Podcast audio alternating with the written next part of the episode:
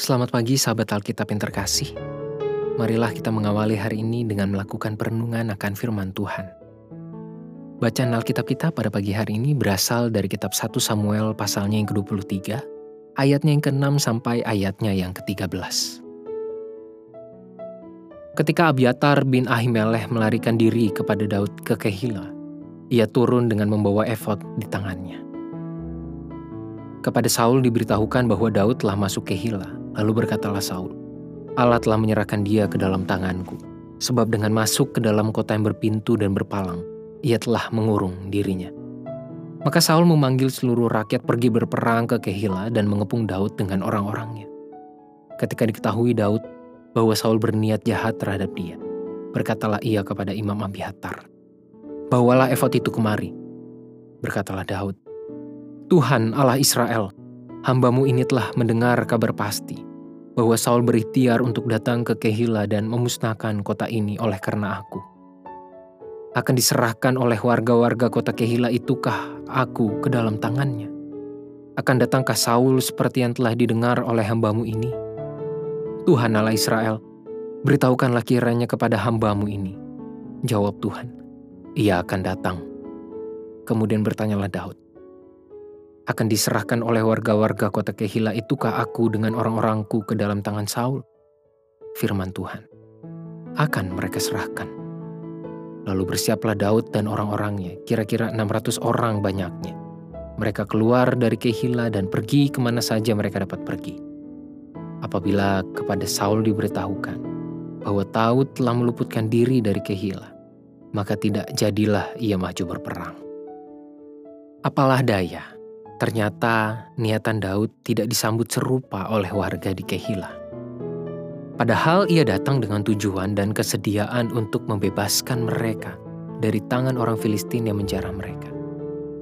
Meski demikian, berdasarkan diskusi dengan Tuhan, Daud mengetahui bahwa warga kota itu akan menyerahkan dirinya ke tangan Saul. Daud memang berhasil membebaskan warga Kehila, dan itu bukanlah sesuatu yang biasa saja. Hanya Nampaknya tangan besi Saul jauh lebih mengerikan di hadapan warga Kehila dibanding serangan orang Filistin. Itulah sebabnya mereka akan memilih untuk menyerahkan Daud ke tangan Saul.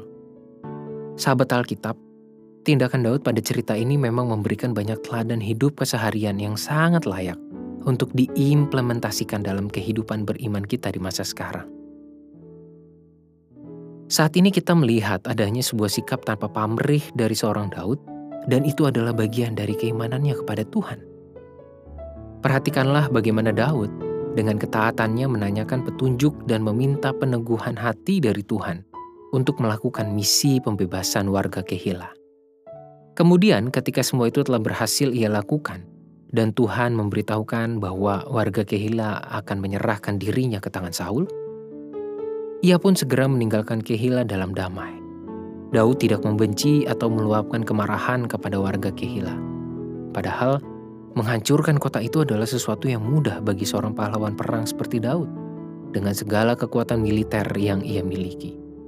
Namun Daud tidak melakukannya, dan ia lebih memilih untuk menanyakan kehendak Tuhan. Ia mentaatinya dan meninggalkan kota itu dalam damai. Sikap tanpa pamrih bukanlah sesuatu yang baru ataupun pelajaran moral yang hanya muncul dalam Alkitab di tengah masyarakat umum setiap warga Indonesia sudah cukup akrab dengan nilai-nilai pembelajaran seperti ini. Namun marilah kita cermati kenyataan hidup bermasyarakat di masa sekarang, di mana terlalu banyak persinggungan antar individu yang cukup banyak diakibatkan iri hati, kebencian, marah, ketidakrelaan, dan sebagainya. Itulah sebabnya sikap Daud menjadi sebuah teladan hidup beriman. Bersikap tanpa pamrih adalah perwujudan ketaatan dan kerelaan dalam menggenapi firman Tuhan di hidup keseharian kita. Jadi marilah kita wujudkan itu semua demi menciptakan kehidupan bersama yang zaman dan damai di dalam kasih Tuhan. Marilah kita berdoa. Ya Tuhan di dalam upaya kami untuk bersikap baik kepada setiap orang yang ada di sekitar kami. Ada waktu di mana tindakan kami itu justru direspons dengan hal yang bertolak belakang. Tidak jarang kami justru mendapatkan perlakuan yang buruk. Tapi Tuhan di sinilah letak tantangan bagi iman kami. Tolonglah kami untuk tetap berkomitmen dalam melakukan kebaikan, berprinsip teguh untuk mentaati firman Tuhan, berlaku tanpa pamrih. Karena pada saat itulah sesungguhnya kami sedang mewujudkan diri kami sebagai dan menjadi saluran berkat Tuhan. Biarlah iman kami terus terbangun di dalam hidup kami sehari-hari.